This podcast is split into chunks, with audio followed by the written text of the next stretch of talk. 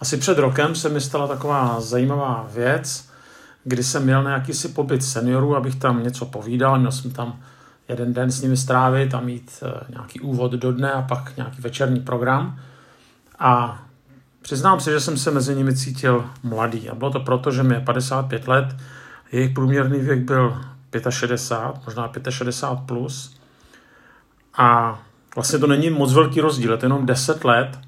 Nicméně, pokud jim bylo 65 nebo dokonce 70, tak potom, když jsme byli na nějaké procházce, tak přece jenom, když to nebylo na nějaké krkolomné terény a mm, prostě pro ty starší lidi už to byla procházka poměrně náročná, já jsem se tam skutečně cítil mezi nimi velmi mladý. Nicméně, když jsem se vracel, tak jsem měl na jinou akci a tam zase byli lidé mladší nebo mládež a průměrný věk těch mládežníků byl 20. A pocitově jsem cítil, že mezi nimi budu mnohem víc jako ryba ve vodě, že jsem jakoby jim blíž, ale uvědomil jsem si, že to je jenom pocit, že je mi 55 a těm mládežníků bylo 20, to znamená, ten rozdíl byl výrazně větší, než když mi 55 a těm seniorům bylo 65 nebo 70. Takže jsem se najednou uvědomil, že čím dál tím víc tedy přecházím do té kategorie starší nebo i starý nebo do té kategorie senior. Byť se tak samozřejmě necítím a nechci nějak sám sebe odepisovat. Ale právě nad otázkou fenoménu stáří bych se chtěl dneska zabývat. Známe ten slavný hit Karla Gota, Být na věky mlád, je to vlastně překlad eh, od skupiny Alphaville, Forever Young. A myslím si, že to určitá touha člověka, kdy eh, jak si chceme zůstat mladí, možná je to i taková jakási touha člověka 21. století, kdy na rozdíl od Bible, která považuje šediny za určitou výsadu, tak dnešní člověk si ty šediny raději jak si přebarvuje a někdy se i chová jako věčný adolescent. Když čteme různé mytologie, pohádky a různé příběhy, a teďka to budu mluvit trošku z mužské perspektivy, tak eh, se v těchto příbězích velmi často odráží jakási prastará touha po starých mužích, nebo v obecnějším slova smyslu po starých mužích, po starých lidech, kteří sice už nemají fyzičku a neskáčou a kamzíci někde na horách a nemají v popisu práce to těm mladým ještě nandat, ale kteří předávají moudrost. A zároveň po starých lidech, kteří si již nepotřebují nic dokazovat. Kteří sice postrádají fyzickou sílu, ale mají něco důležitějšího. Mají vnitřní autoritu.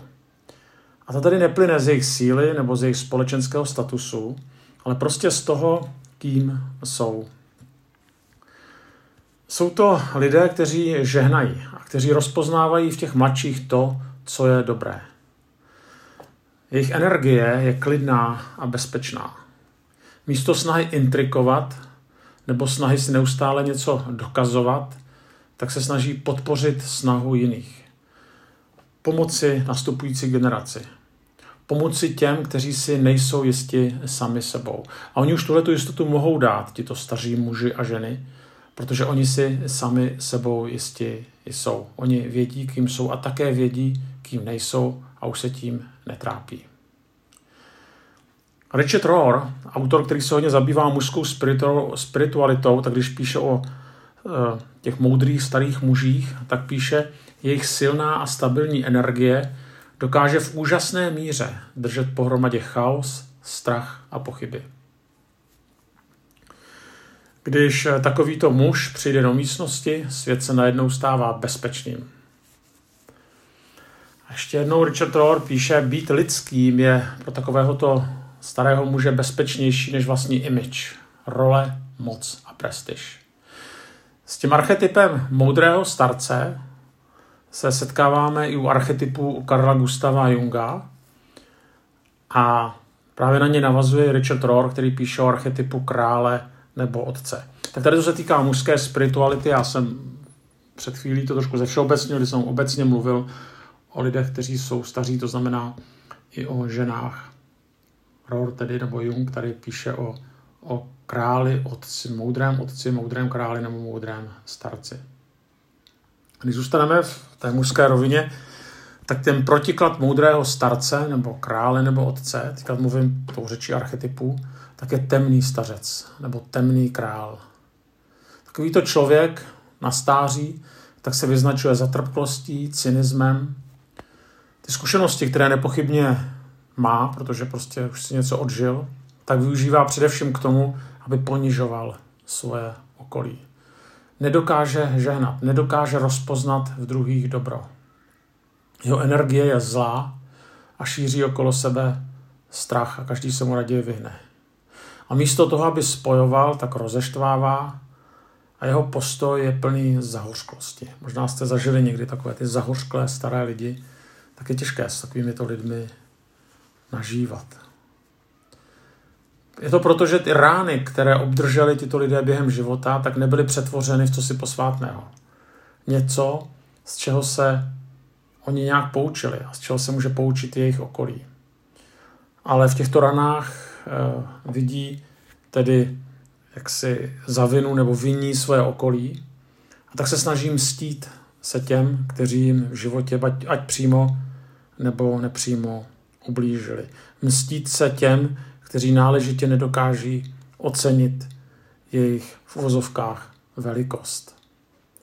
Tito lidé nedokážou přijmout své omezení a své limity, které přirozeně stářím přicházejí. Jejich humor je prosycen urážkami, zlobou a ponižováním. Jako kdyby tyto odporné vlastnosti eh, těmto starcům dávaly energii prodloužit si svůj uhasínající život. Takovýhle lidé nemají, ne, nemají přátele, ale mají jenom nohsledy. Pokud máte pocit, že hovořím o někom konkrétním, no vám to někoho konkrétního připomíná, třeba v politice nebo v vašem okolí, že se do někoho trefuji, tak eh, prostě vězte, že to tak není. Prostě jenom volně cituji z několika knížek, jejichž autoři prostě psali o tady tom archetypu temného krále nebo temného starce. Já sám jsem měl ve svém životě skutečně velké požehnání, že jsem mohl být obklopen těmi takzvanými moudrými starci. Bych o nich nikdy neřekl, že to byli starci, ale prostě moudrými staršími muži, ale i staršími ženami. Tedy byli to lidé, kteří mě čas od času pozbudili, kteří dokázali vyjádřit vděčnost za můj život, kteří mě dokázali i napomenout, laskavě, ale napomenout, ale zároveň kteří se mnou neměli potřebu soupeřit. Věděli, že jejich život se chýlí k závěru, že už nemusí hrát první housle a že mohou něco z toho, co přijali, předat zase dalším generacím, které logicky ty první housle pár let budou hrát, aby zase potom předali to žezlo. A obrovské zkušenosti těchto lidí, těchto moudrých starých lidí, s kterými jsem se setkával, tak byly tříbené hlubokým vztahem s Bohem. A to jim dávalo autoritu. Autoritu, která už není dána statusem, titulem nebo nějakými úspěchy. Prostě měli vnitřní autoritu. A tak eh, sice jsem v současné době předsedou rady CB, jsem administrátorem poměrně velkého sboru na české poměry na Praze 13, tedy asi mám u některých lidí jistou autoritu, ale nakonec vnímám, že i díky těmhle těm moudrým starcům nebo moudrým starým lidem, kteří mě obklopují a kteří mě fandí, tak se cítím bezpečněji. Totiž eh, víc než, nějaký, než nějaké funkce, tak potřebuji čas od času vidět jejich laskavé pokývnutí, obrazně řečeno, že jdu správným směrem, eh, že za mnou stojí. A tak bych strašně přáli našemu národu, aby takovýto moudří starci nebo moudří starší lidé byli v čele. By to byly lidé, jejichž moc neplyne eh, jak si jenom z jejich statusu, no především z jejich statusu, ale především z jejich moudrosti, eh, za kterými lidé chodí, protože jsou prostě moudří. By to byly lidé, kteří stojí v čele a nerozeštvávají, ale spojují. Samozřejmě, že to, co popisuji, tak souvisí se stárnutím. Jeden z velkých myslitelů minulého století, Romano Guardini, o stárnutí napsal. Za prvé je třeba konstatovat zásadní fakt, který je základem veškeré životní moudrosti. Správně zestárne pouze ten, kdo stárnutí vnitřně přijímá. Ti, kdo to nedokáží, dělají všechno možné a nemožné, aby proces stárnutí zamaskovali. A tak předstírají mladistvost, kterou už ale nemají. Takový trik se samozřejmě nemůže podařit, neboť zkušenější oko prohlédne komedii a k nepravdivosti se ještě přidruží směšnost. V té míře, v jaké se uskuteční přijetí stáří, se také mění vztah starého člověka k okolí. Ztrácí zášť k životu, která ho ze společnosti vyčlenovala. Mladé lidi uznává, učí je milovat a pokouší se jim pomáhat. Ne, nečiní to však z vůle ovládat, kdy pomoc by pak byla jenom přestrojenou závistí. A tak to je geniální, kdy on prostě říká, eh, člověk, který nedokáže stárnout, tak dělá všechno možné, aby to nějak zamaskoval, ale stává se směšným. U některých starých lidí jsem vypozoroval nádhernou věc, že vlastně pochopili, že to, čemu v životě přikládali veliký význam, tak se postupně začalo ukazovat jako nedůležité. A naopak to, co považovali za bezvýznamné, na co neměli čas, tak dokázali přehodnotit. A právě této schopnosti se říká moudrost stáří. Prostě vědět, na čem skutečně záleží. A pak pokud tady to starý člověk nedokáže, tak se stává nesnesitelným, nebo tím jazykem archetypů stává se temným starcem. Pavel Říčan v knize Cesta životem píše, že stárnutí je tvrdou zkouškou, ve které neobstojí životní nepravda, neupřímnost k sobě i k jiným, neobstojí ani celoživotní úsilí o vyniknutí a tím méně celoživotní boj o vládu nad druhými. Prostě není tajemstvím, že ve stáří se často mění osobnost. Hříčan píše, že člověk se někdy stává karikaturou sebe samého a začnou se projevovat nepěkné vlastnosti a sklony, které se v mládí a středním věku dařilo tlumit. Proto je úžasné, pokud se starý člověk někdy s pomocí okolí naučí laskavě zacházet s mezemi svých možností. A taky mi někdy smutno a trapně zároveň, když vidím třeba i to, co se odehrává na Pražském hradě, tedy v podobě našeho prezidenta. A teďka to nechci, aby to vyznělo jako kritika, protože když jsem byl malý, tak jsem se někdy starým lidem smál. A já si vzpomínám, že mi za to táta párkrát nafackoval, protože pro tento druh humoru neměl absolutně porozumění. Bylo to dětsky zlé a já jsem si facku zasloužil. Proto si myslím, že bychom se neměli smát třeba našemu prezidentovi, protože to je neúctivé.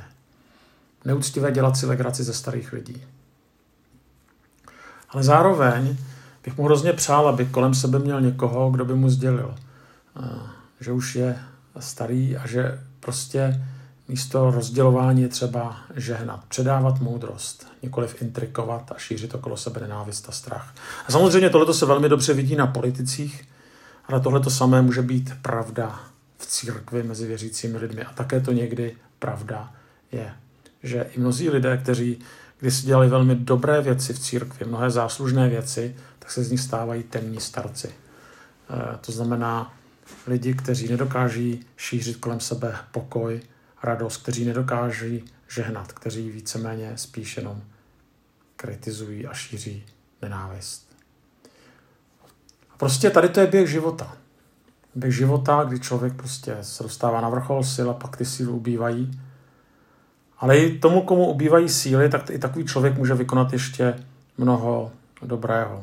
Už třeba ne tím, že všechno stihne, ale tím, že může podpořit jiné lidi, kteří toho stihnou víc. Ti, kteří jsou většinou mladší. A kdo tento běh života nerespektuje, tak škodí nejenom sobě, ale i svému okolí. A čím samozřejmě stojí dotyčný výše, tím víc může škodit. Zároveň čím méně dotyčný realitu stáří s jeho omezeními respektuje, tím je trapnější a směšnější. A tak bych vám přál, pokud stárnete, nebo pokud stárneme už, vlastně už to platí o mě, abychom to zvládli. A byl bych rád, až já začnu blbnout, tak abych měl kolem sebe někoho, kdo mi to lidsky a citlivě sdělí. Protože tenkrát na tom, eh, na té akci ze seniory jsem si uvědomil, že stárnu a to neznamená, že bych se odepisoval, ale že prostě ten, ten přirozený koloběh života nelze zastavit. A je to tak dobře. Místo toho, abychom ho zastavovali, je třeba ho zvládnout.